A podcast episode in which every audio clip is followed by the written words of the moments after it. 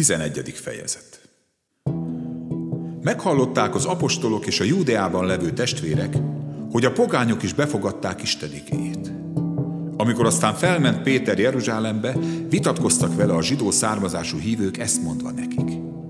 Körülmetéletlen emberekhez mentél be, és együtt ettél velük.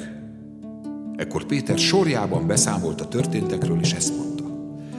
Én éppen Jobbé városában tartózkodtam és imádkoztam, amikor látomás szállt rám, valami nagy lepedőhöz hasonló szállt le, amely négy sarkánál fogva ereszkedett le az égből, és lejött egészen én hozzám. Közelebbről megnéztem, és láttam benne a föld négylábú állatait, a vadakat, a csúszómászókat és az ég madarait. Hallottam egy hangot is, amely így szólt hozzám. Kelj fel, Péter, öld és egyél. Én azonban így szóltam. Semmiképpen sem, uram. Mert szentségtelen vagy tisztátalan még soha nem volt a számban. De másodszor is megszólalt a hang az égből, amit Isten megtisztított, azt te nem mond tisztátalannak. Ez pedig három ízben történt. Azután az egész felemelkedett újra az égbe. És abban a pillanatban három férfi állt meg, azelőtt a ház előtt, amelyben voltam.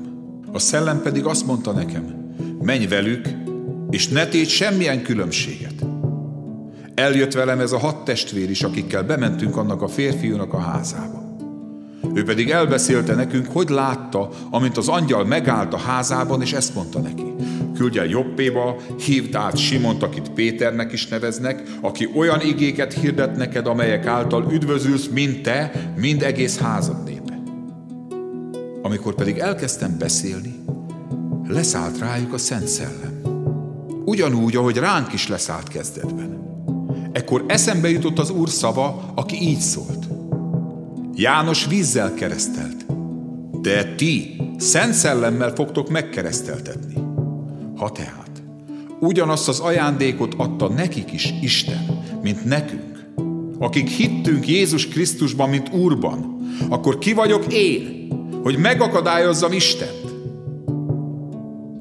Amikor mindezt hallották, megnyugodtak, dicsőítették Istent, és így szóltak.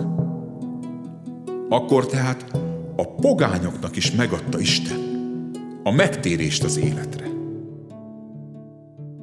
Azok, akik István miatt támadt üldözés következtében szétszóródtak, eljutottak Főnéciáig, Ciprusig, sőt, Antiókiáig. De senki másnak nem hirdették az igét, csak a zsidóknak.